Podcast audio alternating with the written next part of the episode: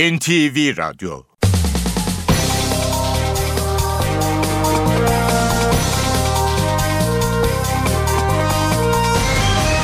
İşe Giderken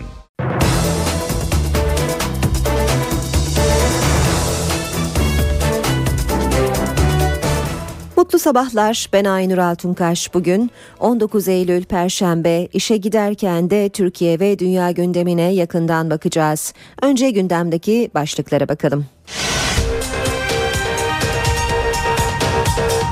Amerika Birleşik Devletleri Merkez Bankası tahvil alım politikasında değişikliğe gitmedi. Amerikan borsası rekor artışla kapandı. Uzmanlar kararın Türkiye'ye sermaye girişine neden olacağını belirtiyor. Erzurum'da dün akşam meydana gelen 4.4 büyüklüğündeki deprem bazı köy evlerinde hasara yol açtı. Bir kişi hafif şekilde yaralandı. Rusya Suriyeli yetkililerden aldığı ve kimyasal saldırıyı muhalif güçlerin düzenlediğini gösterdiği iddia edilen delilleri Birleşmiş Milletler Güvenlik Konseyi'ne sunacak.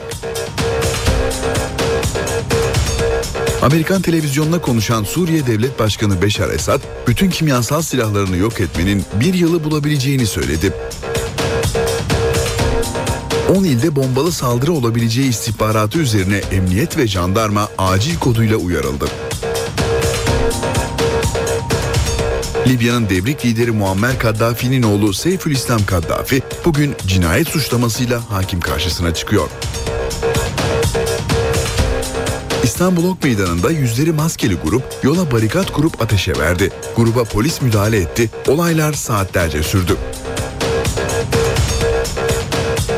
Trabzonspor UEFA Avrupa Ligi'nde bu akşam Kıbrıs Rum kesiminden Apollon Limassol takımıyla deplasmanda karşılaşacak. Saat 22.05'te başlayacak maç NTV'den canlı yayınlanacak. İşe giderken gazetelerin gündemi.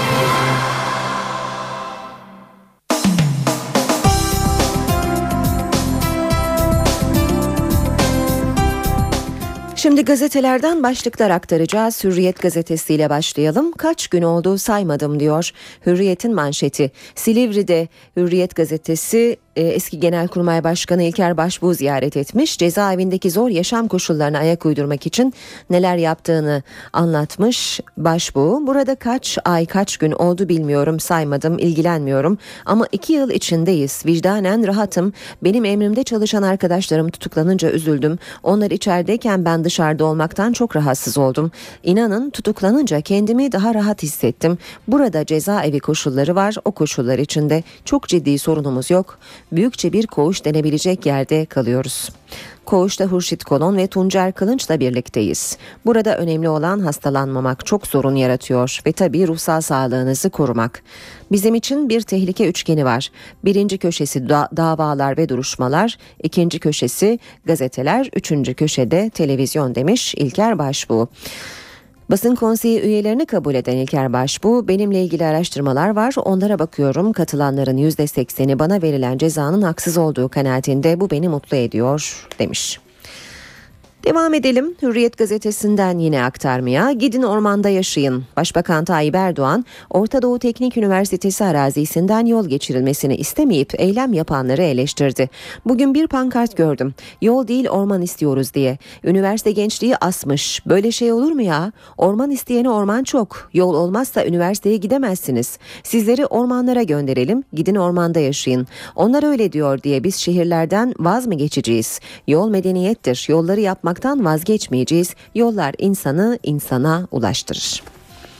Madrid'de şaştı bu işe. İspanyol basını Real Madrid'in İstanbul'da aldığı 6 birlik galibiyeti festival asıl cehennem Real Madrid gibi başlıklarla kutlarken böyle bir sonucun hiç beklenmediğini de yazdı. Farklı galibiyeti Galatasaray'ın kötü oyununun getirdiği vurgulandı. Geçelim Milliyet gazetesine. Manşetinde özel bir haber var Milliyet'in. İstihbarata gözaltı. İki müfettiş emniyet istihbaratta eski kayıtları inceliyor. Yeni daire başkanının yaptırdığı denetlemede şüpheli işleme rastlanınca Emniyet Genel Müdürlüğü derin inceleme için iki baş müfettiş görevlendirdi. Ayırdığı kavga celladı oldu. İzmir'de 3 mekan işleten Erkan Kaya dün sabaha karşı yolunu kesen 7-8 kişi tarafından öldürüldü. Kaya'yı feci şekilde döven saldırganlar başını kırılana kadar vitrin camına vurdu. Otopside göğüste kesici alet yarasına da rastlandı. Eşi 8 aylık hamile olan Kaya'nın geçen hafta iş yeri önündeki kavgayı ayırırken bazı kişilerle tartıştığı ve tehdit aldığı öğrenildi. Devam edelim Milliyet gazetesinden aktarmaya 6 birin 6 nedeni diyor Milliyet. Terim'in gönderileceği dedikoduları, takımda yerli yabancı gruplaşmaları, 6 maçı 6 farklı kadroyla çıkılması, Çedcu'nun beklentilerin altında kalması, Burak Yılmaz'ın küskünlüğü, duran toplarda organizasyon eksikliği şeklinde sıralanmış Galatasaray'ın 6 birlik mağlubiyetinin nedenleri. Fenerbahçe 8 yıl ceza alacaktı. Şike davası sürecince, e, sürecinde ağır suçlamalara maruz kalan eski Türkiye Futbol Federasyonu Başkanı Mehmet Ali Aydınlar suskunluğunu bozdu. Aydınlar ben Fenerbahçe'yi Avrupa'ya göndersem 8 yıla kadar ceza alacaktı. UEFA ile o dönem 1 yıl ceza için anlaşmıştık dedi. Aydınlar yönetimin 3 yıllık zarar olarak 135 milyon euroyu cebinden ödemesi gerektiğini de söyledi. Birazdan ayrıntılı haberlerde aktaracağız ama gazetelere yansıyan şekliyle de duyuralım. Piyasalara Amerika dopingi, Mayıs ayında parasal genişlemeyi azaltma sinyali veren Amerikan Merkez Bankası Fed, aylık 85 milyar dolarlık tahvil alımlarına devam etme kararı aldı. Fed'in varlık alımında 10 ila 20 milyar dolarlık kısıntıya gitmesini bekleyen piyasalar sürpriz kararla yükselişe geçti. Dolar TL karşısında 1.95'e geriledi. Sabah gazetesi var sırada. Kimse bizi test etmesin başlığını görüyoruz. Başbakan Erdoğan zalim rejimlerin Türkiye sınırlarını hedef almasına asla göz yummayız dedi. Ronaldo topu hatıra olarak götürdü. Galatasaray Real Madrid'e önceki gece 6-1 mağlup olurken 3 gol atan dünya yıldızı Ronaldo maçın topunu da hatıra olarak İspanya'ya götürdü. Portekizli yıldız topu arkadaşlarına imzalattı. Emanetçiye karşı aday olurum. Mehmet Ali Aydınlar'ın basın toplantısından notlar sabahta da yer almış. 2 Kasım'da aday değilim ama Fenerbahçe'yi zor duruma düşüren bu zihniyet yönetim konusundaki ısrarını sürdürmeye kalkarsa şayet emanetçi bir aday aracılığıyla bu büyük kulüp üzerindeki vesayeti sürdürmeye çalışırsa kararım değişir. Aydınlar vefat eden oğlu ile ilgili bir soru üzerine gözyaşlarını tutamadı. Sabahın manşeti tek hatayla gelen ölüm. Doktor Özgür Oruç tek hatam takip mesafesini ayarlayamamak diyordu. Ayarlayamadı ve aracıyla tıra arkadan çarpıp öldü. Konya'daki feci kazada hayatını kaybeden Doktor Özgür Oruç ölümcül alışkanlığını çalıştığı hastanenin dergisine iki yıl önce bu şekilde anlatmış. Cumhuriyetle devam edelim. Silahlara dönüş mü? İmralı'yı ziyaret eden Demirtaş çekilmenin artık Öcalan'ın gündeminden çıktığını açıkladı. BDP lideri Demirtaş Öcalan'ın KCK'ya çekilmeye devam mektubu yazdığı iddiasını yalanladı. Demirtaş Öcalan'ın kendilerine Kandil'in çekilmeyi durdurma tavrını destekliyorum artık çekilmeyi konuşmayız. Geri çekilme değil dağdakilerin nasıl geri döneceği tartışılmalı. Ben uğraşıyorum ama asla silahlara dönülmeyecek diye bir şey yok mesajını verdiğini belirtti. Devam edelim. Radikal gazetesinde de paketten beklenenler başlığı manşette merakla beklenen demokratikleşme paketinin neden geciktiği tartışılırken AK Parti ile BDP'nin beklentileri arasında önemli farklar var. AK Parti'den Hüseyin Çelik'in açıklamaları bu bir demokrasi paketi gayrimüslimler, mütedeyyin Müslümanlar, Aleviler ve Kürtler gibi birçok kesime hitap edecek. Gecikme yok, redaksiyon yapılıyor.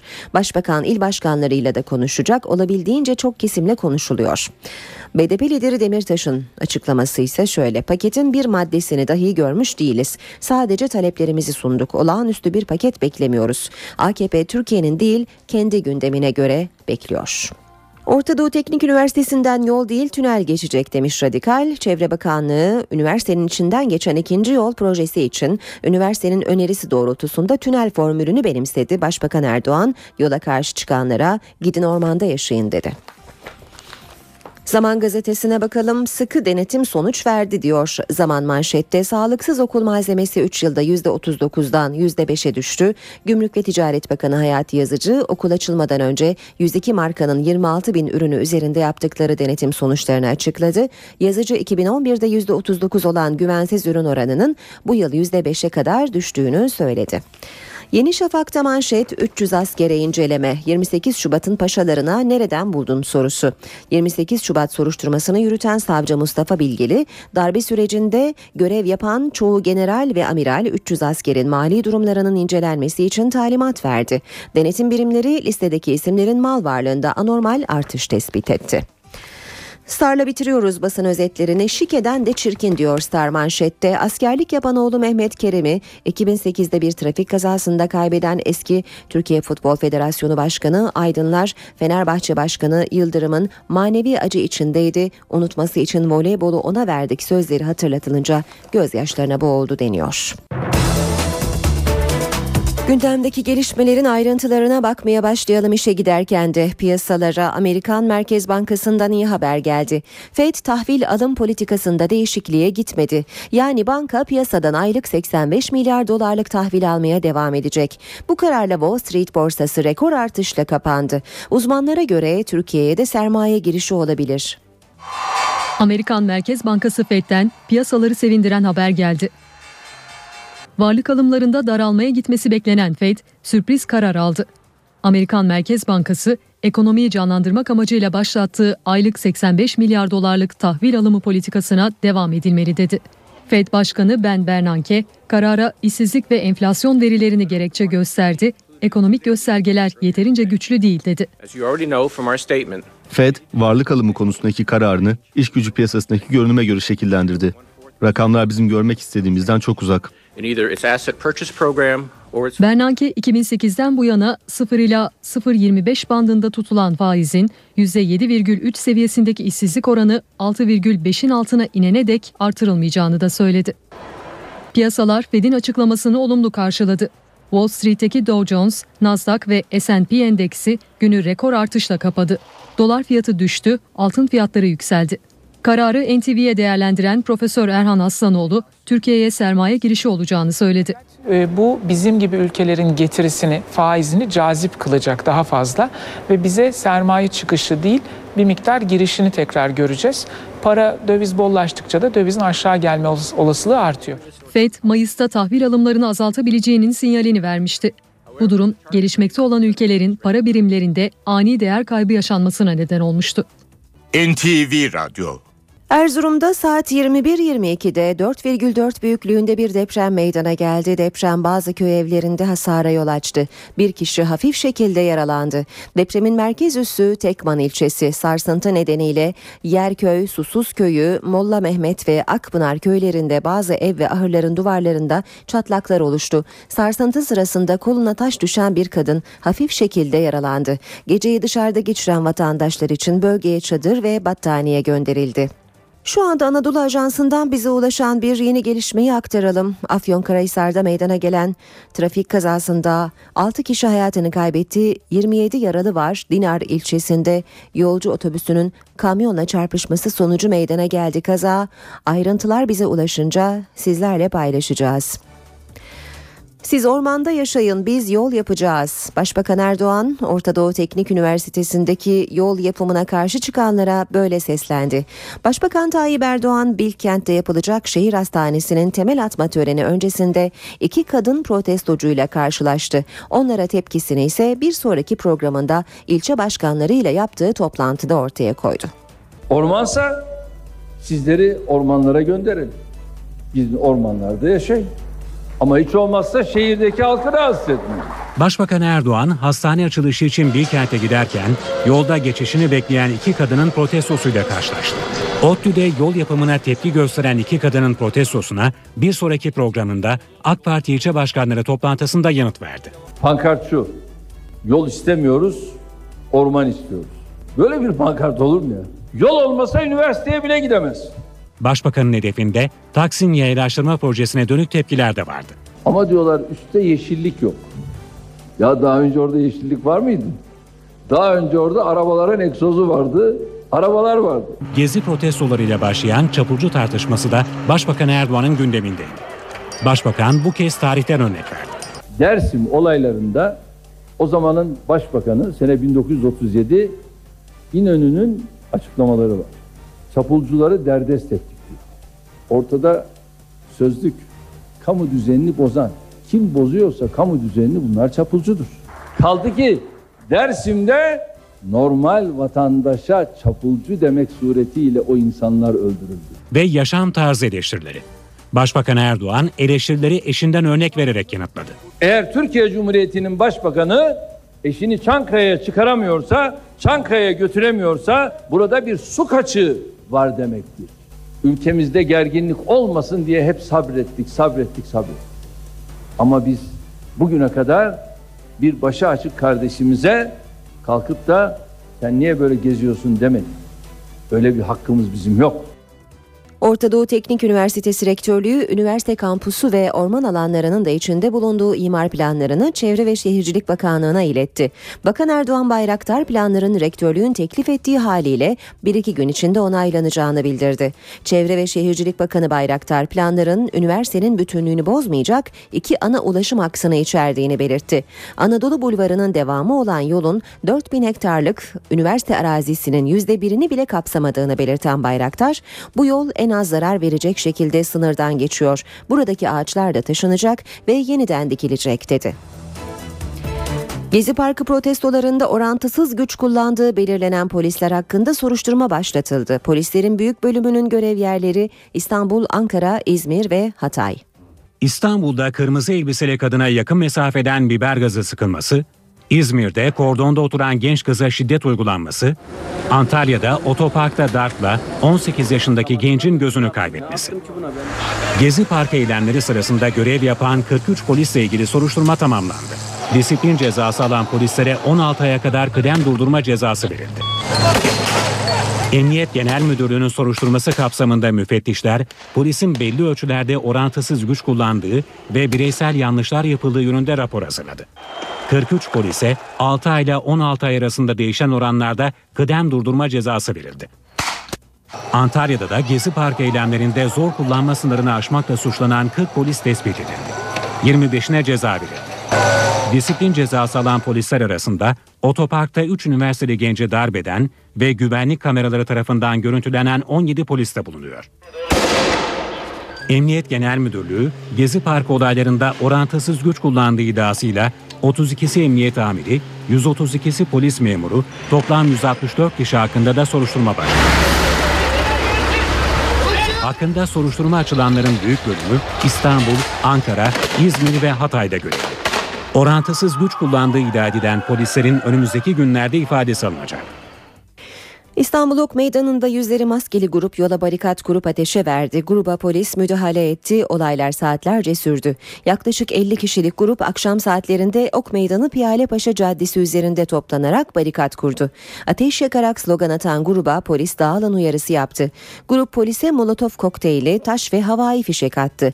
Polis göstericileri dağıtmak için biber gazı ve tazikli su kullandı. Ok Meydanı sokakları savaş alanına döndü. Ara sokaklardaki kovalamaca saatlerce sürdü sürdü. Cadde üzerinde yanan barikatlarsa itfaiye ekipleri tarafından söndürüldü.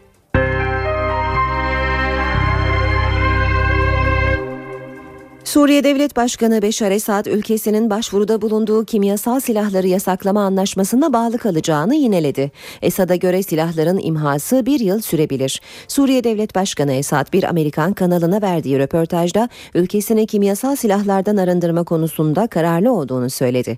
Kimyasal silahları imha etmenin zorlu ve pahalı bir süreç olduğunu belirten Esad, hepsini yok etmemiz bir yıl sürebilir. Bunun için de 1 milyar dolar civarında bir bütçe gerekli dedi. Esad ayrıca 21 Ağustos'ta düzenlenen ve binden fazla kişinin yaşamına mal olan kimyasal silah saldırısından sorumlu olmadığını iddia etti. Rusya Suriye'deki kimyasal saldırı ile ilgili Birleşmiş Milletler Güvenlik Konseyi'ne delil sunacak açıklama Rusya Dışişleri Bakanı Sergey Lavrov'dan geldi. Lavrov 21 Ağustos'ta Şam yakınlarında düzenlenen kimyasal saldırı ile ilgili Suriyeli yetkililerin kendilerine deliller sağladığını duyurdu. Deliller Rus Dışişleri Bakan Yardımcısının Şam ziyareti sırasında Rus yetkililere teslim edildi. Rusya delilleri henüz incelemedi ancak Suriye delillerin kimyasal saldırıda muhaliflerin parmağı olduğunu ortaya koyduğunu belirtiyor. Türk savaş uçaklarının düşürdüğü Suriye helikopterine ilişkin devletin zirvesinden değerlendirmeler var. Cumhurbaşkanı Abdullah Gül gereken yapıldı dedi. Başbakan Tayyip Erdoğan da hiç kimse sabrımızı test etmesin diye konuştu. Dışişleri Bakanı Ahmet Davutoğlu'nun gündeminde ise önceki gün sınırda meydana gelen patlama ile ilgili misilleme iddiası vardı. Türkiye-Suriye sınırı normal düzende bir sınır değil. Sınırı geçtiği için tabii ki e, kurallar e, gereği gereken yapılmış oldu. Zaten karşı tarafta sınırı geçtiklerini itiraf ediyorlar. Hiç kimse de Türkiye'nin sabrını, soğukkanlılığını farklı şekillerde yorumlayıp test etmeye kalkışmaz. İki kere uyarılmasına rağmen dönme imkanı varken dönmeden ihlal etmesi tabii ki açık bir şekilde Türk sınırlarının ihlalidir. Ortak mesaj Suriye helikopterinin sınır ihlali yaptı. Devletin zirvesinden düşürülen Suriye helikopterine ilişkin açıklamalar geldi. Başbakan Recep Tayyip Erdoğan bundan sonraki sürece dair işaretler de verdi. İçeride kendi halkını topluca katleden zalim rejimlerin bununla yetinmeyip Türkiye'yi, Türkiye sınırlarını hedef almasına asla müsamaha göstermiyor, buna da göz yummuyoruz. Helikopterin düşürülmesinden bir gün sonra Cilve Gözü Gümrük Kapısı'nın karşısındaki Babel Hava Sınır Kapısı'nda bomba yüklü bir aracın patlatılması misilleme olabilir mi? O iddialara Dışişleri Bakanı Ahmet Davutoğlu yanıt verdi. Suriye sınırları içinde bize karşı bir misilleme düşünülemez. Herhangi bir şekilde de Suriye yönetiminin bir misillemeyi zihninden dahi geçirmesinin e, sonuçlarına katlanacağını bilmesi lazım. Cumhuriyet Halk Partisi Genel Başkanı Kemal Kılıçdaroğlu Türkiye'nin düşürdüğü Suriye helikopteri ile ilgili ilk kez konuştu. Kılıçdaroğlu da angajman kurallarının gereği yapıldı dedi. Türkiye Cumhuriyeti angajman kurallarını değiştirdiğini e, bütün dünyaya duyurmuştu. O kurallar ihlal edildiğinde de gereğini yapılacağını söylemişti. E, dolayısıyla kuralların ihlal edildiğini Suriye tarafı da kabul ediyor. Türkiye'de gereğini yaptı. Bu olayın fazla büyütülmemesi, bir gerginliğe kaynaklık yapmaması, tam tersine iki ülkenin dostane ilişkilerini sürdürmesinden yanayız. Türkiye'nin Cenevre sürecine destek vermesi lazım, katkı vermesi lazım. Ama görünen tablo acı bir tablo. Türkiye'nin Suriye konusunda uluslararası aktörler tarafından dışlandığını görüyoruz. Suriye'nin Türkiye sınırı yakınında bombalı araçla düzenlenen saldırı güvenlik birimlerini harekete geçirdi. 10 ilde bombalı saldırı olabileceği istihbaratı üzerine emniyet ve jandarma acil koduyla uyarıldı. Alarmın rengi kırmızı. Nedeni Suriye'den Türkiye'ye yönelik 10 ilde bombalı saldırı olabileceği istihbaratı. Suriye'nin Türkiye sınırına 3,5 kilometre uzaklıktaki Babel Hava Sınır Kapısı'nda bombalı aracın patlaması güvenlik birimlerini harekete geçirdi. Aracın hedefinin Türkiye olduğu yönünde gelen ilk bilgiler ve Suriye'den Türkiye'ye yönelik 10 ilde bombalı saldırı olabileceği istihbaratı üzerine güvenlik birimleri acil kodlu gizli yazıyla uyarıldı. MİT ve emniyet tarafından hazırlanan istihbarat raporunda başta Ankara, İstanbul, Adana ve Hatay olmak üzere 10 ilde bombalı araçlarla saldırı düzenlenebileceğine ilişkin uyarı yazısı 81 İl Emniyet Müdürlüğü'ne ve jandarma birliklerine gönderildi. Suriye'den Türkiye'ye yönelik saldırıda kullanılacağı değerlendirilen bombalı araçlardan üçünün plakası belirlendi. Sınır kapılarında güvenlik önlemleri de artırıldı. Sınırın hem Türkiye hem de Suriye tarafında 3 aşamalı güvenlik noktaları oluşturuldu. Sınır kapılarında ayrıca hayaret diye tarama araçları görevlendirildi. İçinde X-ray cihazı bulunan araçlar, tırların veya şüpheli otomobillerin yanlarından geçerek patlayıcı olup olmadığını görüntüleme kabiliyetine sahip. Amerika Birleşik Devletleri Merkez Bankası tahvil alım politikasında değişikliğe gitmedi. Amerikan borsası rekor artışla kapandı. Uzmanlar kararın Türkiye'ye sermaye girişine neden olacağını belirtiyor. Erzurum'da dün akşam meydana gelen 4.4 büyüklüğündeki deprem bazı köy evlerinde hasara yol açtı. Bir kişi hafif şekilde yaralandı. Rusya Suriyeli yetkililerden aldığı ve kimyasal saldırıyı muhalif güçlerin düzenlediğini gösterdiği iddia edilen delilleri Birleşmiş Milletler Güvenlik Konseyi'ne sunacak. Amerikan televizyonuna konuşan Suriye Devlet Başkanı Beşar Esad, bütün kimyasal silahlarını yok etmenin bir yılı bulabileceğini söyledi. 10 ilde bombalı saldırı olabileceği istihbaratı üzerine emniyet ve jandarma acil koduyla uyarıldı. Libya'nın devrik lideri Muammer Kaddafi'nin oğlu Seyfülislam Kaddafi bugün cinayet suçlamasıyla hakim karşısına çıkıyor. İstanbul Ok Meydanı'nda yüzleri maskeli grup yola barikat kurup ateşe verdi. Gruba polis müdahale etti. Olaylar saatlerce sürdü. Trabzonspor UEFA Avrupa Ligi'nde bu akşam Kıbrıs Rum kesiminden Apollon Limassol takımıyla deplasmanda karşılaşacak. Saat 22.05'te başlayacak maç NTV'den canlı yayınlanacak. İşe giderken gazetelerin gündemi.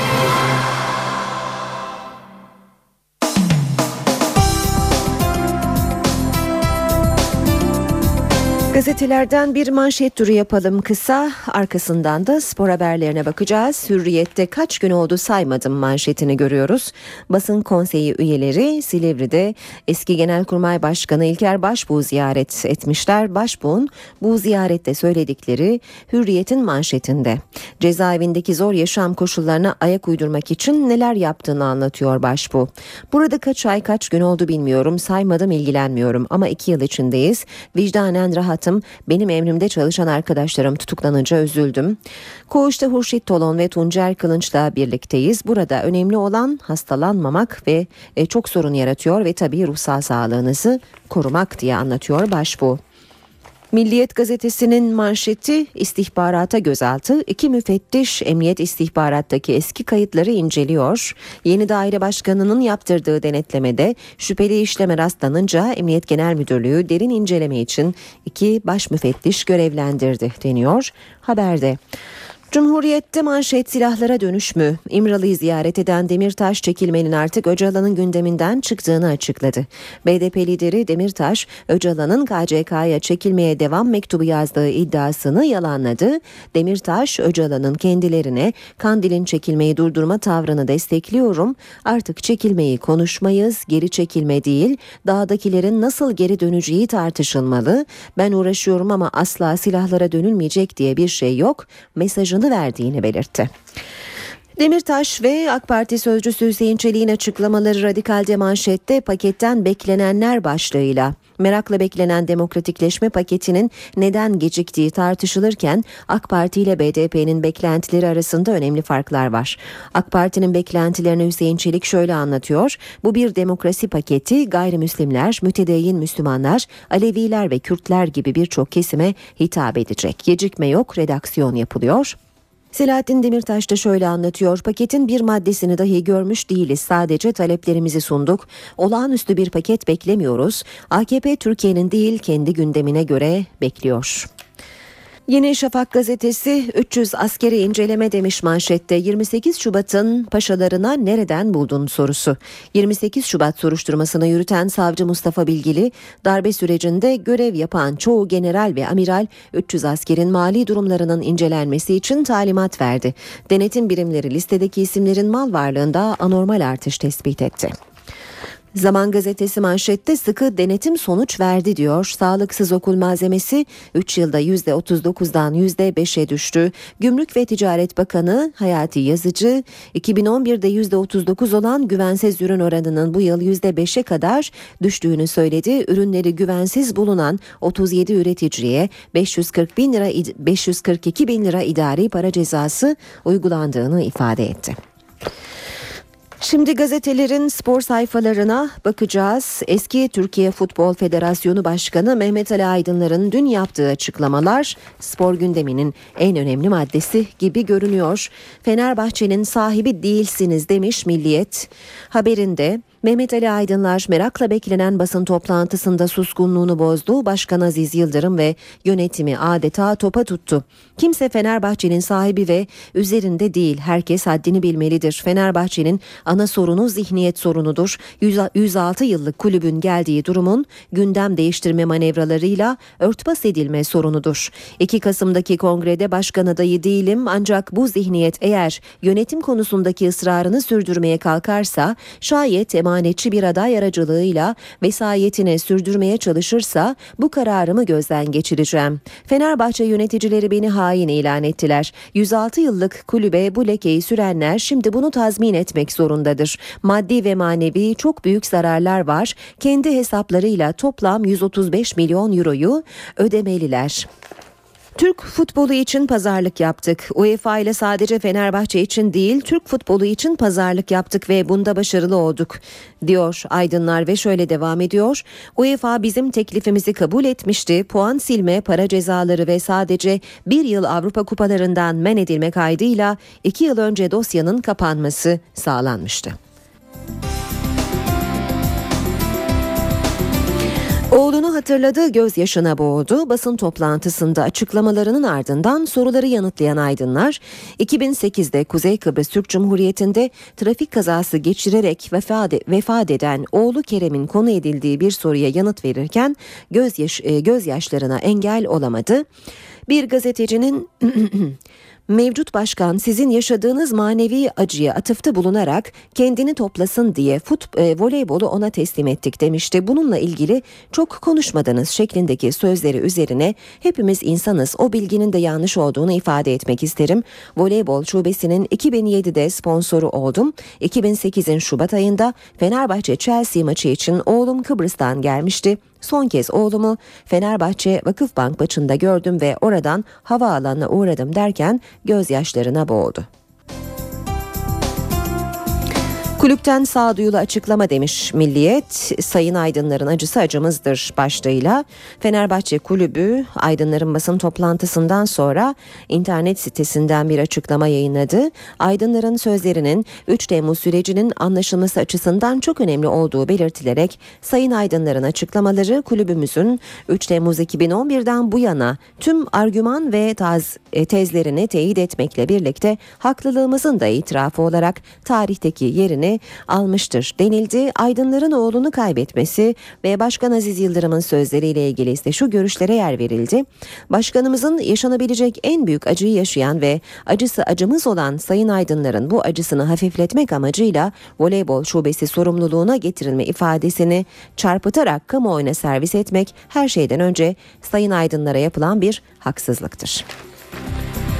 Devam edelim milliyetten okumaya. Tükenmişlik sendromu. Altı birin altı nedenini yazıyor Milliyet gazetesi. Sözleşme ve sözleşme ve dedikodular, yerli yabancı gruplaşması, 6 maçta da farklı 11, Çedru 3. tercihti, Burak koptu gitti, duran top organizasyonsuzluğu diye açıklıyor Milliyet gazetesi. Galatasaray'ın Real Madrid karşısında altı, aldığı 6 birlik mağlubiyetin sebeplerini. Başkan Aysal'dan pansuman Galatasaray Başkanı Ünal Aysal, Real Madrid hezimetinin yaralarını sarmak için kolları sıvadı, Beşiktaş derbisi öncesinde birlik olunması mesajını verdi. Cimbom'un patronu eleştiriler tabii ki olabilir ama bunları çok daha sakin ve mutlu günlerimizde oturup konuşacak ve kendi içimizde çözecek güce ve kültüre sahibiz dedi. Demedim demedi. Galatasaray Genel Sekreteri Adnan Nas yönetimden arkadaşlarıyla yaptığı konuşmanın çarpıtılarak servis edilmesini üzücü ve düşündürücü olarak değerlendirdi. Ancak yazılanları yalanlamaması dikkat çekti. Hürriyet gazetesinden aktaralım spor haberleri. Mehmet Ali Aydınlar'ın açıklamalarını yine çok genişçe görüyoruz Hürriyet'te. Kendi çıkarları için Fenerbahçe'yi yaktılar. Aydınlar 3 Temmuz sürecinde yaşananlarla ilgili Sarı Lacivertli yönetimi suçladı. Yıldırım aday olursa ben de düşünürüm. Mehmet Ali Aydınlar mevcut yönetim ısrarını sürdürürse ben de başkanlığa aday olmama kararımı gözden geçireceğim dedi. Fenerbahçe'den yapılan açıklama haklılığımızı itiraf etti başlığıyla yer almış. Sarı lacivertli kulübün açıklamasında beklentilerin karşılanamadığı belirtilerek Mehmet Ali Aydınlar 5 Ekim'deki divan toplantısına çağrıldı. Sahada ben de şike görmedim ama sonuç belli. Aydınlar Sarı Lacivertlilerin 2010-2011'de şampiyonluğu büyük mücadeleyle kazandığını vurgulayıp 1988-89 sezonundan beri gördüğüm en iyi Fenerbahçe'ydi yorumunu yaptı. Oğlunu hatırladı gözyaşlarını tutamadı başlığını da yine hürriyette görüyoruz. Felsefemizi Bilic değiştirdi. Manuel Fernandez siyah beyazlı takımın yeni teknik direktörüne övgüler yağdırdı. Beşiktaş'ın yıldızı Slaven Bilic'in çok başarılı başarılı bir hoca olduğunu belirterek takımın oyun anlayışını tamamen değiştirdi. Ne istediğini gerçekten çok iyi bilen bir insan dedi. Pazar günkü derbinin favorisi olmadığını söyledi. Bitiriyoruz böylece spor haberlerini. Gündeme yakından bakmaya devam edelim.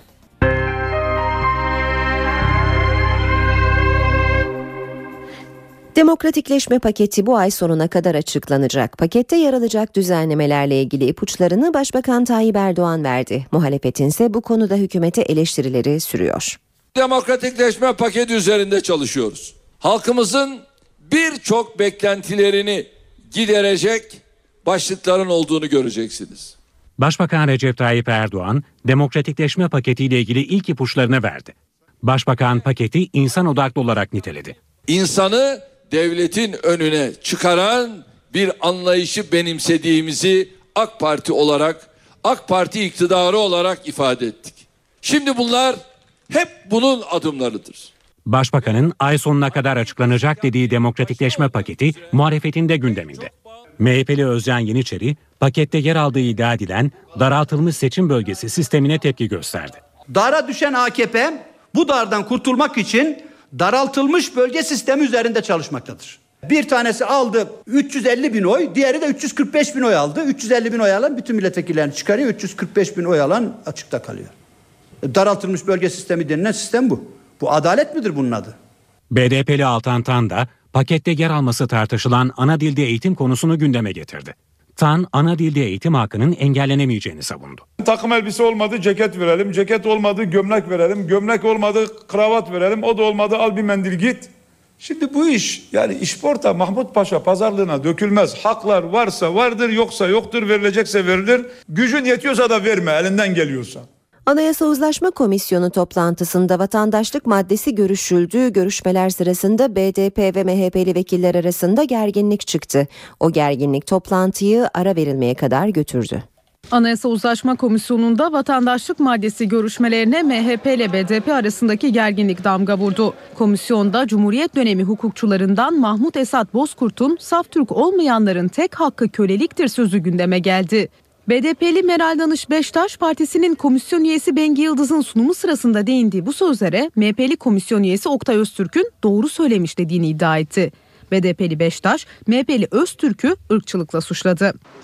MHP'li Faruk Balsa böyle bir şey söylendiğini duymadım dedi. Ancak bu sözlerde gerginliğin tırmanmasına engel olamadı. Tarafların birbirlerine hakarete varan sözler sarf etmesi üzerine komisyon toplantısına ara verildi. Ancak gerginlik aradan sonra da devam etti. MHP ve BDP arasındaki tansiyon düştükten sonra tüm partiler vatandaşlık maddesiyle ilgili önerilerini aktardı. Komisyon bir sonraki toplantısında da vatandaşlık tanımını görüşmeye devam edecek. Cumhuriyet Halk Partisi Ergenekon davasında tahliye edilen Zonguldak Milletvekili Mehmet Haberal'ın meclisin açılacağı 1 Ekim'de yemin etmesi için meclis başkanlığına başvurdu. Haberal, Cumhurbaşkanı Gül'ün açılış konuşması ve Meclis Başkanı Çiçek'in milletvekillerine hitabının ardından yemin ederek meclisteki yasama çalışmalarına başlayacak. Başbakanlıktaki böcek skandalının ardında casusluk değil kıskançlık olabilir. Çünkü soruşturmada böceklerin casusluk faaliyetinde kullanıldığına dair bulguya rastlanmadı. Olayla ilgili ikisi kadın 7 kişinin kimliği de belirlendi. Başkentteki böcek soruşturması çok yönlü olarak sürüyor. Yasa dışı dinlemenin yurt dışı Türkler ve Akraba Topluluklar Başkanı Kemal Yurtdaç'ın makam odasına yerleştirilen böceklerle yapıldığı tespit edildi. Yurtnaç'ın makam odasında yapılan temizlik sırasında prizden gelen seslerden şüphelenen görevliler polise haber verdi. Odada yapılan aramada hem prizde hem de televizyonun içinde dinleme cihazı bulundu. Polisin yaptığı incelemede üzerinde hat bulunan cep telefonlarının sessiz modda elektrik prizine bağlandığı tespit edildi. İki telefonda karşıdan arama gelmesi durumunda otomatik cevaplama moduna alındı. Böylelikle gün içinde arama yapılarak dinleme gerçekleştirildi. Cep telefonlarında bulunan GSM hattını araştıran polis, hattın bir İranlının üzerine çıkarıldığını tespit etti.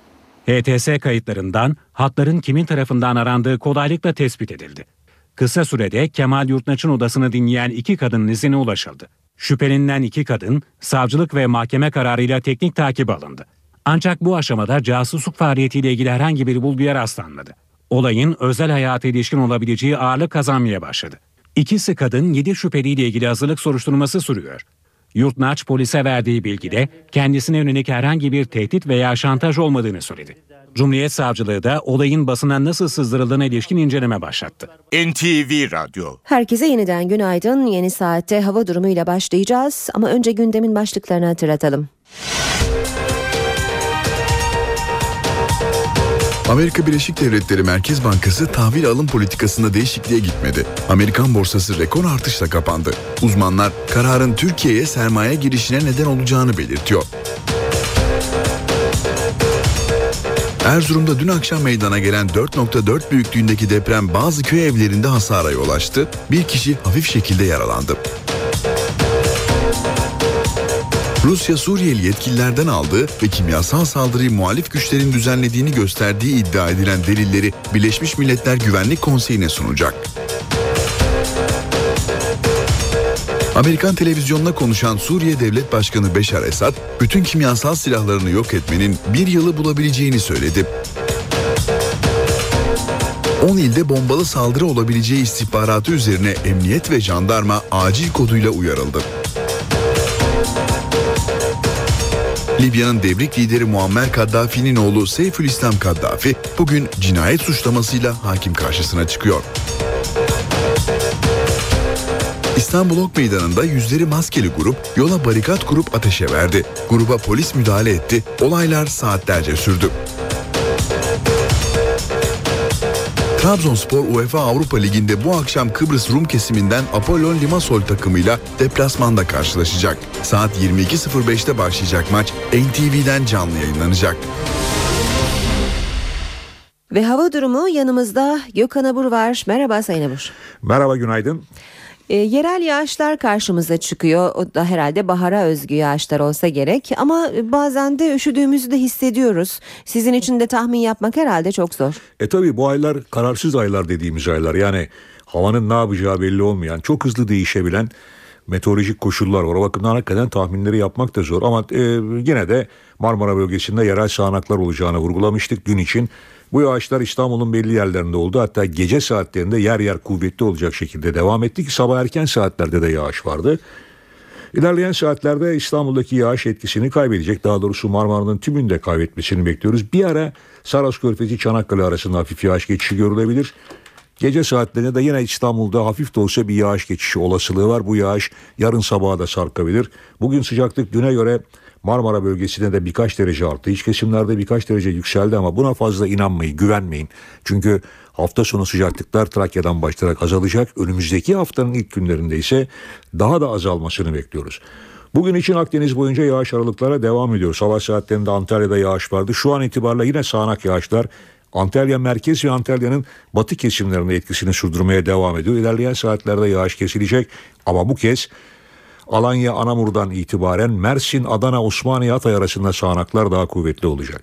Aynı şekilde Doğu Karadeniz bölgemizde yine aralıklarla yağış var ki Artvin civarındaki yağışlar gün içinde etkisini arttıracak. Özellikle Orta Karadeniz'de Kastamonu, Sinop arasında da hafif yağış geçişleri devam ediyor şu anda. Ordu, Giresun, Trabzon, Rize, Artvin arasında yine gün içinde kısa süreli yağışlar görülecek. Doğuda da Erzurum, Kars arasında yine gün içinde gök gürültülü sağanak yağışlar bekliyoruz. Gaziantep, Adıyaman, Diyarbakır arasında da yine kısa süreli yağışlar gün içinde görülebilecek. Evet bizleri böyle bir hava koşu bu bu tip hava koşulları evet. bekliyor diye vurguluyorum. Ama tekrar biraz önce söylediğimi vurgulamak istiyorum. Hafta sonu Marmara'da sıcaklıklar azalıyor. iç kesimlerde azalıyor. Fakat önümüzdeki hafta daha da azalmasını bekliyoruz. Sizlerle detayları yarın daha geniş olarak paylaşmak istiyorum. Teşekkür ediyoruz. Gökhan Abur bizimleydi. İşe giderken gazetelerin gündemi.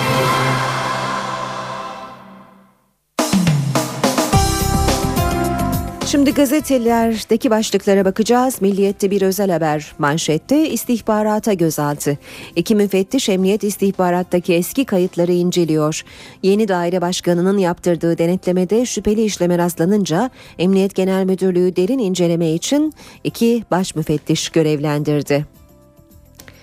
Alkole abartılı etiket yasağı yeni alkol düzenlemesinin nasıl uygulanacağı belli olmaya başladı. Perakende satış yapan yerlerde alkollü içkiler sadece bu ürünlerin satışına ayrılan bölümde sergilenebilecek fiyat etiketlerinde yer alacak. Rakam ve yazılar 50 puntoyu kesinlikle aşamayacak. Bu konudaki ayrıntılı haberimizi birazdan size dinleteceğiz. Git ormanda yaşa şehri rahat bırak. Erdoğan Orta Doğu Teknik Üniversitesi'nde gördüğü yol istemiyoruz orman istiyoruz pankartına tepki göstererek sizi ormana gönderelim orada yaşayın şehirlerdeki şehirlerdekileri rahat bırakın dedi.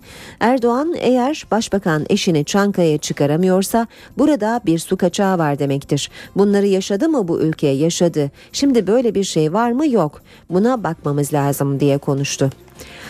6-1'in nedeni Galatasaray'ın 6 birlik Real Madrid bozgununa götüren e, sebepler diyor Milliyet gazetesi ve altı başlığı şöyle sıralamış. Terim'in gönderileceği dedikoduları, takımda yerli yabancı gruplaşmaları, 6 maçı 6 farklı kadroyla çıkılması, Çedru'nun beklentilerin altında kalması, Burak Yılmaz'ın küskünlüğü, duran toplarda organizasyon eksikliği. Hürriyetle devam edelim. Kaç gün oldu saymadım diyor Hürriyet'in manşeti. Basın konseyi üyeleri Silivri'de eski Genelkurmay Başkanı İlker Başbuğ ziyaret ettiler. Bu ziyarette İlker Başbuğ'un söyledikleri Hürriyet'in manşetinde. Burada kaç ay kaç gün oldu bilmiyorum saymadım ilgilenmiyorum ama iki yıl içindeyiz. Vicdanen rahatım benim emrimde çalışan arkadaşlarım tutuklanınca üzüldüm. Onlar içerideyken ben dışarıda olmaktan çok rahatsız oldum. Koğuşta Hurşit Tolon ve Tuncer Kılınç'la birlikteyiz. Burada önemli olan hastalanmamak çok sorun yaratıyor. Benimle ilgili araştırmalar var. Onlara bakıyorum katılanların %80'i bana verilen cezanın haksız olduğu kanaatinde bu beni mutlu ediyor. Devam ediyoruz basın özetlerine işe giderken de Cumhuriyet gazetesine bakalım. Silahlara dönüş mü demiş Cumhuriyet manşette. İmralı'yı ziyaret eden Demirtaş çekilmenin artık Öcalan'ın gündeminden çıktığını açıkladı. BDP lideri Demirtaş, Öcalan'ın KCK'ya çekilmeye devam mektubu yazdığı iddiasını yalanladı. Demirtaş, Öcalan'ın kendilerine Kandil'in çekilmeyi durdurma tavrını destekliyorum. Artık çekilmeyi konuşmayız. Geri çekilme değil, dağdakilerin nasıl geri döneceği tartışılmalı. Ben uğraşıyorum ama asla silahları sınırlara dönülmeyecek diye bir şey yok mesajını verdiğini belirtti. Radikal'in manşeti ise paketten beklenenler. Merakla beklenen demokratikleşme paketinin neden geciktiği tartışılırken AK Parti ile BDP'nin beklentileri arasında önemli farklar var. Her iki partinin beklentilerini e, görüyoruz radikalde. AK Parti adına Hüseyin Çelik şöyle diyor. Bu bir demokrasi paketi. Gayrimüslimler, mütedeyyin Müslümanlar, Aleviler ve Kürtler gibi birçok kesime hitap edecek. Gecikme yok, redaksiyon yapılıyor. Başbakan il başkanlarıyla da konuşacak. Olabildiğince çok kesimle konuşuluyor. BDP eş başkanı Demirtaş da şöyle diyor. Paketin bir maddesini dahi görmüş değiliz. Sadece taleplerimizi sunduk. Olağanüstü bir paket beklemiyoruz. AKP Türkiye'nin değil kendi gündemine göre bekliyor. Star e, gazetesiyle devam edelim. Şikeden de çirkin diyor Star manşette. Askerlik yapan oğlu Mehmet Kerem'i 2008'de bir trafik kazasında kaybeden eski Futbol Federasyonu Başkanı Mehmet Ali Aydınlar Fenerbahçe Başkanı Yıldırım'ın manevi acı içindeydi unutması için voleybolu ona verdik sözleri hatırlatılınca gözyaşlarına boğuldu. Hayata dönüş insan haklarına uygunmuş başlığıyla devam edelim yine Star'dan. Davada tanık olarak ifade veren Yalman, amaç ölümlere mani olmaktı. Tutuklular direndi. Özverili bir çalışma oldu. Silahlar direnci kıracak şekilde kullanıldı dedi. Operasyonda 10 yıldır girilemeyen cezaevlerine girildiğini savunan Yalman, iç disiplini sağladık, kullanılacak silahlar konusunda bilgim yoktu ifadesini kullandı. Sabaha bakalım Sabah gazetesinde manşet tek hatayla gelen ölüm. Doktor Özgür Oruç tek hatam takip mesafesini ayarlayamamak diyordu. Ayarlayamadı ve aracıyla tıra arkadan çarpıp öldü. Konya'daki feci kazada hayatını kaybetti Doktor Özgür Oruç. Ölümcül alışkanlığını hastanenin dergisine iki yıl önce bu sözlerle anlatmış. Kimse bizi test etmesin. Başbakan Erdoğan zalim rejimlerin Türkiye sınırlarını hedef almasına asla göz yummayız dedi. Şöyle devam etti Başbakan hiç kimse Türkiye'nin sabrını soğukkanlılığını sınamasın gerekli karşılığı vermekten çekinmeyiz. Yine Sabah gazetesinden okuyalım. Emanetçiye karşı aday olurum. Eski Türkiye Futbol Federasyonu Başkanı Mehmet Ali Aydınlar suskunluğunu bozdu. 2 Kasım'da aday değilim ama Fenerbahçe'yi zor duruma düşüren bu zihniyet yönetim konusundaki ısrarını sürdürmeye kalkarsa şayet emanetçi bir aday aracılığıyla bu büyük kulüp üzerindeki vesayeti sürdürmeye çalışırsa kararım değişir dedi. Yeni Şafak'a bakalım. 300 askere inceleme diyor manşeti Yeni Şafak'ın. 28 Şubat'ın paşalarına nereden buldun sorusu. 28 Şubat soruşturmasını yürüten savcı Mustafa Bilgili, darbe sürecinde görev yapan çoğu general ve amiral 300 askerin mali durumlarının incelenmesi için talimat verdi. Denetim birimleri listedeki isimlerin mal varlığında anormal artış tespit etti. Birazdan işe giderken de de aktaracağımız bir haberin e, Zaman Gazetesi'nde de manşette olduğunu görüyoruz. Sıkı denetim sonuç verdi. Sağlıksız okul malzemesi 3 yılda %39'dan %5'e düştü. Gümrük ve Ticaret Bakanı Hayati Yazıcı okul açılmadan önce 102 markanın 26 bin ürünü üzerinde yaptıkları denetim sonuçlarını açıkladı. Ankara gündemi.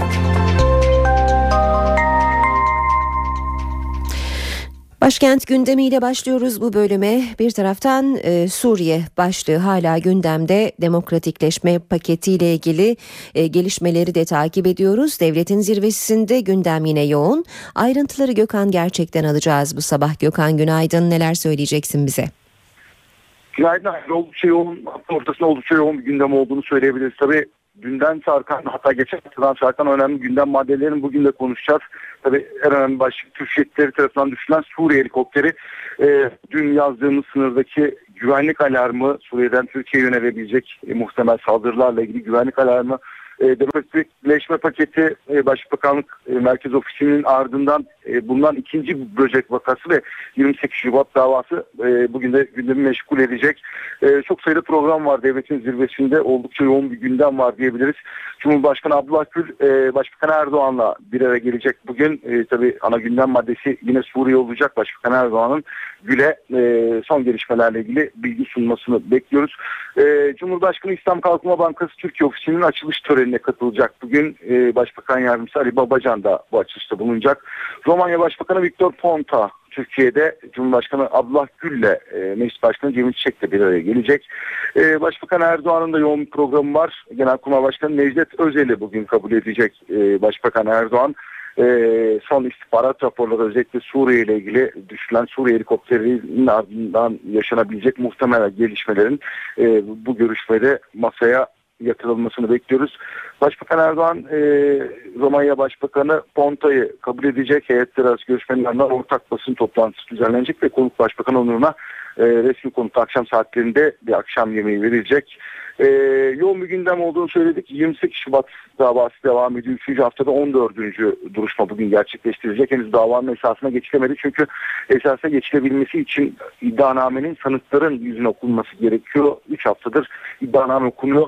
1076. sayfaya kadar gelindi. E, yaklaşık 300 sayfa kaldı. Bugün ve yarın e, okuma işleminin tamamlanmasını bekliyoruz ve Cuma günden itibaren en önemli aşama başlayacak. E, 103 general dönemin e, Genelkurmay Başkanı kuvvet komutanları ve tüm sıralı komutanlarının darbeyle suçlandığı davada e, ilk savunmalarını yapacaklar. Neler söyleyecekleri e, merak konusu. Onun dışında muhalefet Partisi e, milletvekillerinin de basın toplantıları olacak Türkiye Büyük Millet Meclisi'nde bugün.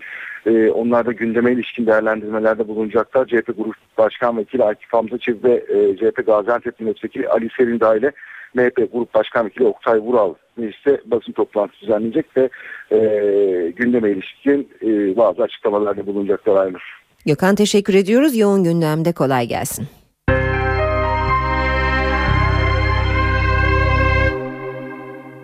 Programımızın başlarında e, bir trafik kazası haberi vermiştik. Ayrıntılar elimize ulaştı paylaşalım.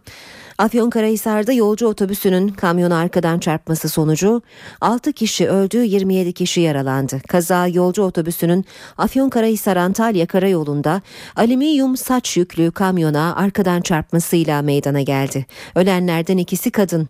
Yaralanan 27 kişi Afyonkarahisar, Sandıklı ve Dinar'daki çeşitli hastanelere kaldırıldı. Erzurum'da saat 21.22'de 4,4 büyüklüğünde bir deprem meydana geldi. Deprem bazı köy evlerinde hasara yol açtı. Bir kişi hafif şekilde yaralandı. Geceyi dışarıda geçiren vatandaşlar için bölgeye çadır ve battaniye gönderildi. Şehir hastaneleri geliyor. Hasta bütün tedavisini tek bir kampus içinde yaptırma imkanına kavuşuyor. Türkiye'nin ilk şehir hastanesinin temel atma törenine katılan Başbakan Tayyip Erdoğan, "Bu benim 11 yıllık hayalim." dedi. Prensip olarak temel atma törenlerine katılmıyorum. Ancak şehir hastaneleri projesi benim 11 yıllık hayalim Başbakan Recep Tayyip Erdoğan'ın hayalim dediği projenin ilk halkası Ankara Bilkent Şehir Hastanesi. Hastanenin temeli atıldı. Hastaneye yeni bir isim de yolda. Bilkent ismini de ileride Sağlık Bakanlığı'nda arkadaşlarım çalışıyorlar.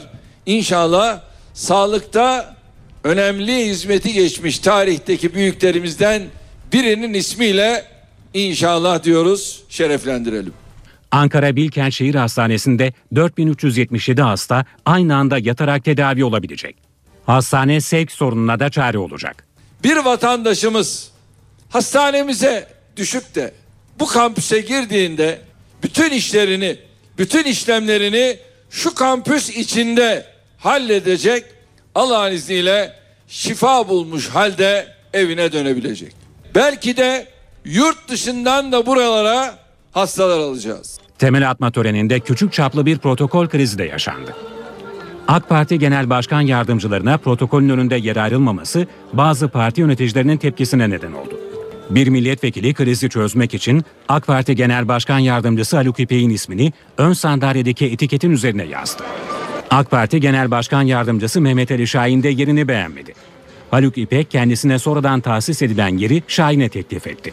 Kriz böylece giderildi. Alkol ve sigaranın satış, tanıtım ve reklamına kısıtlama getiren uygulama yürürlükte. Artık gece saat 22 ile sabah 6 arasında alkollü içkilerin perakende satışı yasak. 18 yaşından küçüklere sigara ve içki satışı da yapılmayacak. Yaş konusunda tereddüde düşen satıcı tüketiciye kimlik sorabilecek. Alkollü içkiler 22 ile 06 saatler arasında perakende olarak satılamayacak. 11 Haziran 2013'ten sonra ruhsat alan alkollü içki mekanlarıyla okul, öğrenci yurdu ve camiler arasında en az 100 metre mesafe olacak. Alkollü içkilerin ismi veya markasını içeren internet siteleri açılamayacak. Reklam ve tanıtım, promosyon ve etkinlik yapılamayacak. Tütün ve Alkol Piyasası Düzenleme Kurumu, sigara ve alkollü içkilerin satışı ile ilgili yönetmeliği tamamladı. Resmi gazetede yayınlanarak yürürlüğe giren yönetmeliğe göre 18 yaşından küçüklere sigara ve alkollü içki satılamayacak. Satıcılar yaş konusunda tereddüde düşerse tüketiciye kimlik soracak. 18 yaşından küçükler sigara ve alkollü içki üretimi, pazarlama ve satışında çalışamayacak. Halen çalışan 18 yaşından küçük işler bir yıl içinde işten çıkarılacak. İş yerlerindeki otomatik satış makinelerinde sigara ve alkollü içki bulundurulamayacak sigara ve tütün ürünleri hiçbir şekilde oyun ve bahse konu edilemeyecek. Örneğin Luna Parklarda halka atarak hediye verilen oyunlarda sigara yer alamayacak. Öğrenci yurdu, hastane, stadyum ve kapalı spor salonlarıyla tüm kademelerdeki okul, kahvehane, kıraathane, pastane ve akaryakıt istasyonlarında alkollü içki satışı yapılamayacak. Alkollü içkiler market ve benzeri yerlerde sadece bu ürünlerin satışına tahsis edilen bölümlerde sergilenecek. Reklam ve tanıtım tabelaları bir yıl, şemsiye, branda, tentelerse 6 ay içinde kaldırılacak. İstanbul Beyoğlu'nda polis okul yerine internet kafelere giden öğrencilerin peşine düştü. Yapılan denetimlerde okul saatinde üniformalı öğrencileri ya da 12 yaşından küçük çocukları kabul eden internet kafe işletmecileri uyarıldı. Kimi dersin boş dedi, kimi öğretmeninden izinli olduğunu söyledi. Fakat polisler okuldan kaçıp internet kafelere giden öğrencileri affetmedi. İstanbul Beyoğlu'nda çocuk büro ve asayiş şube ekipleri internet kafelerde denetimleri sıklaştırdı. Okul saatinde üniformalı ya da 12 yaşından küçük öğrencileri kabul eden kafe işletmecileri uyarıldı. Ancak ne öğrencilerin bahaneleri ne de işletmecilerin itirazları polisi ikna etmeye yetmedi. Öğrencilerin velilerine haber verildi. Velisine ulaşılamayan öğrenciler çocuk şube müdürlüğüne götürüldü.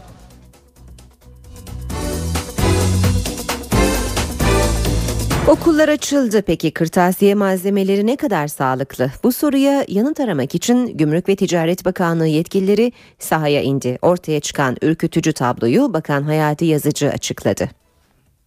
Merdiven altı kırtasiye ürünleri tehlike saçıyor. Gümrük ve Ticaret Bakanlığı'nın okullar açılmadan önce 10 ilde yaptığı testlerde bazı kırtasiye malzemelerinin içinde sağlığa zararlı azo boyar ve fitalatın yanı sıra ağır metal izlerine rastlandı. Bakanlık 37 markaya 542 bin lira para cezası kesti. Toplam 26 bin ürün denetlenmiştir.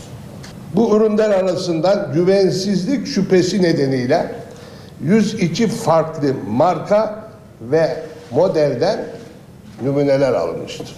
Ve test edilmek üzere akredite laboratuvarlara gönderilmiş, testleri sağlanmıştır. 37 markanın numuneleri maalesef güvensiz bulunmuştur. Güvensiz bulunan 37 farklı markaya numune toplamda 1310 adet ürüne tekabül etmektedir. Bakanlık boya kalemlerinden beslenme çantasında, çocuk ayakkabısından tekstil ürünlerine kadar birçok ürün denetledi. Gümrük ve Ticaret Bakanlığı yerli kırtasiye ve ayakkabı ürünlerindeki güvensizlik oranının yüksek olduğunu tespit etti. 6000 kırtasiye ürününden 1059'unda 700 ayakkabının 233'ünde güvensizlik tespit edilmiştir. Bakan Hayati Yazıcı denetimler sonucunda güvensiz bulunan ürünlerin yasal süreç tamamlanır tamamlanmaz bakanlığın internet sitesinde teşhir edileceğini söyledi. Güvensiz ürünlerin üçte birinin uzak doğu menşeli olduğu bildirildi. Uzmanlarsa tüm denetimlere karşın velilere de büyük görev düştüğünü vurguluyor. Her yer denetlenemiyor. Alırken ürünü lütfen güvenliliği konusunda satıcıdan da bir güvence alsınlar. Nereden geldi, ne yapıldı, ne edildi. Ha, bunun ötesinde şunu yapsınlar. Eğer bu yıkanabilir bir şeyse ki çoğu bunların yıkanabilir aldıkları sonra bir kere yıkasınlar. Şimdi veliler özellikle ayakkabılara dikkat etsinler. Böbrek hasarı yapabiliyorlar bunlar net biliniyor. Kanserle ilişkisi daha marjinal olarak söylenebiliyor.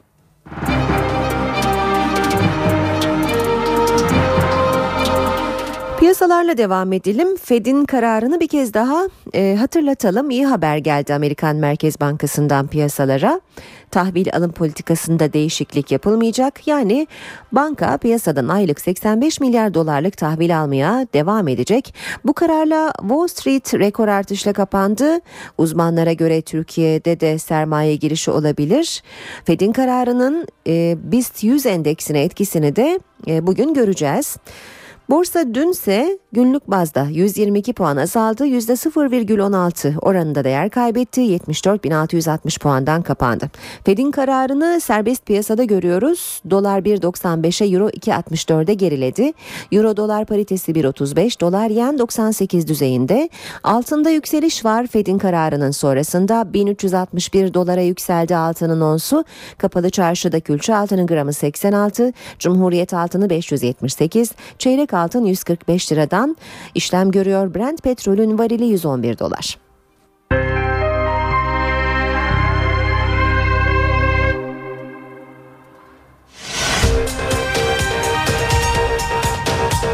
Gündemdeki başlıkları bir kez daha hatırlayalım. Afyon'da meydana gelen trafik kazasında 6 kişi öldü, 27 kişi yaralandı.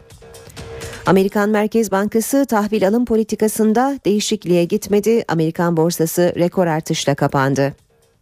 Erzurum'da dün akşam meydana gelen 4,4 büyüklüğündeki deprem bazı köy evlerinde hasara yol açtı. Bir kişi hafif şekilde yaralandı.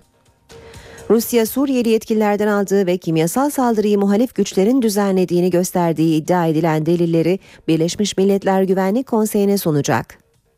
Libya'nın devrik lideri Muammer Kaddafi'nin oğlu Seyfülislam Kaddafi bugün cinayet suçlamasıyla hakim karşısına çıkıyor. Trabzonspor UEFA Avrupa Ligi'nde bu akşam Kıbrıs Rum kesiminden Apollon Limassol takımıyla deplasmanda karşılaşacak. Akşam 10'u 5 geçe başlayacak maç NTV ve NTV Radyo'dan canlı yayınlanacak. İşe giderken Spor gündeminden haberlerle devam edelim. İşe giderken saat 8.39 olmak üzere. Avrupa Kupaları heyecanını bugün de Trabzonspor'la yaşayacağız.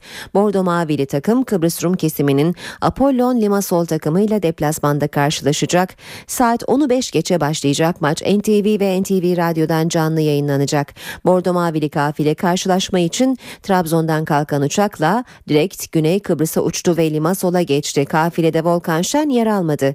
İki bacağı anda da kas ağrısı olan deneyimli futbolcunun yerine Kadir Keleş kadroya dahil edildi.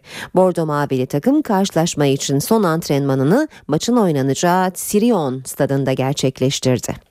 Galatasaraylı golcü Burak Yılmaz taraftardan özür diledi. Sarı kırmızılı oyuncu sosyal medya üzerinden Real Madrid maçında oyundan çıkarken kendisine protesto kendisini protesto eden taraftara gösterdiği tepkinin yanlış olduğunu söyledi. Geçen sezon Şampiyonlar Ligi'nde yıldızlaşan Burak Yılmaz Real Madrid karşılaşmasında kayıptı. Net bir pozisyonu değerlendiremeyen golcü oyuncu kenara alınırken kendisini yuhalayan taraftarlara tepki gösterdi. Karşılaşmada bekleneni veremeyen Burak'ı Fatih Terim 77. dakikada kenara aldı. Sahayı terk ederken taraftarların tepkisine sitemeden ve protestolara alkışla karşılık veren Burak Yılmaz, sosyal medya üzerinden yaptığı açıklamayla özür diledi. Burak, hocamızın da dediği gibi öncelikle tüm camiamızdan ve taraftarımızdan özür dilerim. Açıklamaya dilimin varmadığı ruh halime bir de asla unutmayacağım taraftar tepkisi eklenince yaşadığım hayal kırıklığının boyutu arttı. Bizler de pek çoğunuz gibi genciz. Heyecanını, sevincini, hayal kırıklığını sizden farklı yaşamıyoruz. Galatasaray'a yakışmayacak bir skora imza atmış futbolculardan biri olarak benim için tarifi zor şeyler yaşandı. Alınan skor ve aslında birini hedef almaksızın ağzımdan çıkan sözler için özür dilerim. Ama emin olun geri alınamayacak skorlardan ve sözlerden sizlerden daha çok bedel ödüyoruz. Bu şekilde gündeme geldiğim için tekrar tüm taraftarımız ve camiamızdan özür dilerim dedi.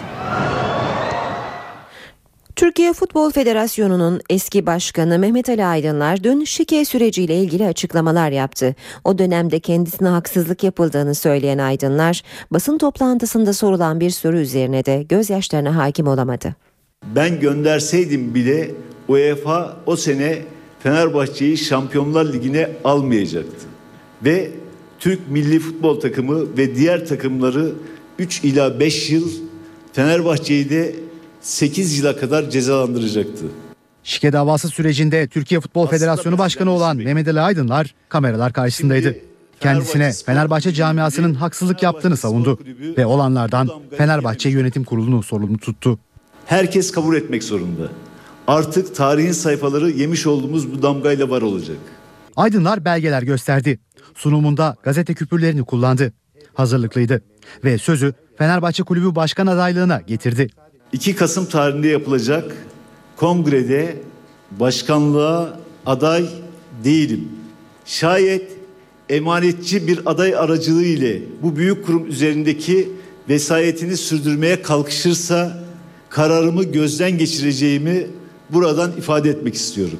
Aydınlar toplantının sonunda 5 yıl önce kaybettiği oğluyla ilgili soru üzerine duygulandı. E, Fenerbahçe'nin mevcut başkanı e, bir televizyon programında e, sizin yaşadığınız bir manevi acıya atıfta bulunarak işte o kendisini toparlasın diye voleybolu ona teslim ettik gibi bir şey söylemişti. Bununla ilgili siz çok konuşmadınız. Arkadaşlar bu konuda ediyorum. konuşacak bir şey yok yani. Bir defa hepimiz insanız. Hepimizin değerleri var. Ama o bilginin de yanlış olduğunu ifade etmek isterim. Ben voleybol e, voleybol şubesini 2007 senesinde sponsor oldum, aldım. 2008 senesinin Şubat ayında Fenerbahçe Chelsea maçı için oğlum Kıbrıs'tan gelmişti. Ya son kez ben oğlumu Fenerbahçe Vakıf Bank maçında gördüm. Ve oradan havalanına uğurladım.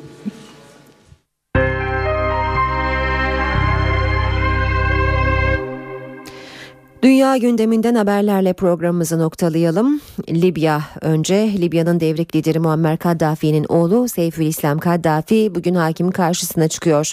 Oğul Kaddafi ve eski istihbarat şefi Abdullah El Senusi Kaddafi karşıtı ayaklanmada adam öldürme ve cinayeti azmettirme suçlarından yargılanacak. Seyfülislam Kaddafi Libya mahkemesinde adil bir yargı süreci gerçekleşmeyeceğini öne sürerek Uluslararası Ceza Mahkemesi'nde yargılanmak istemişti. Ancak Libya oğul Kaddafi Kaddafi'yi Lahey'e vermeyi kabul etmiyor. Suçlu bulunması halinde Seyfülislam Kaddafi'nin idam cezasına çarptırılabileceği belirtiliyor. İran'da yeni Cumhurbaşkanı Hasan Ruhani'nin işbaşı yapmasıyla reform adımları atılmaya başladı. 11 siyasi mahkum serbest bırakıldı.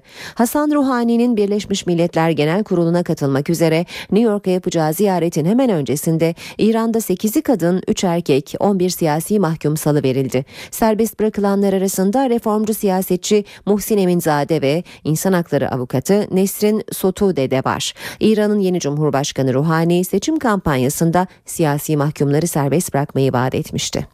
Bu haberle işe giderken sona eriyor. Hoşçakalın. NTV Radyo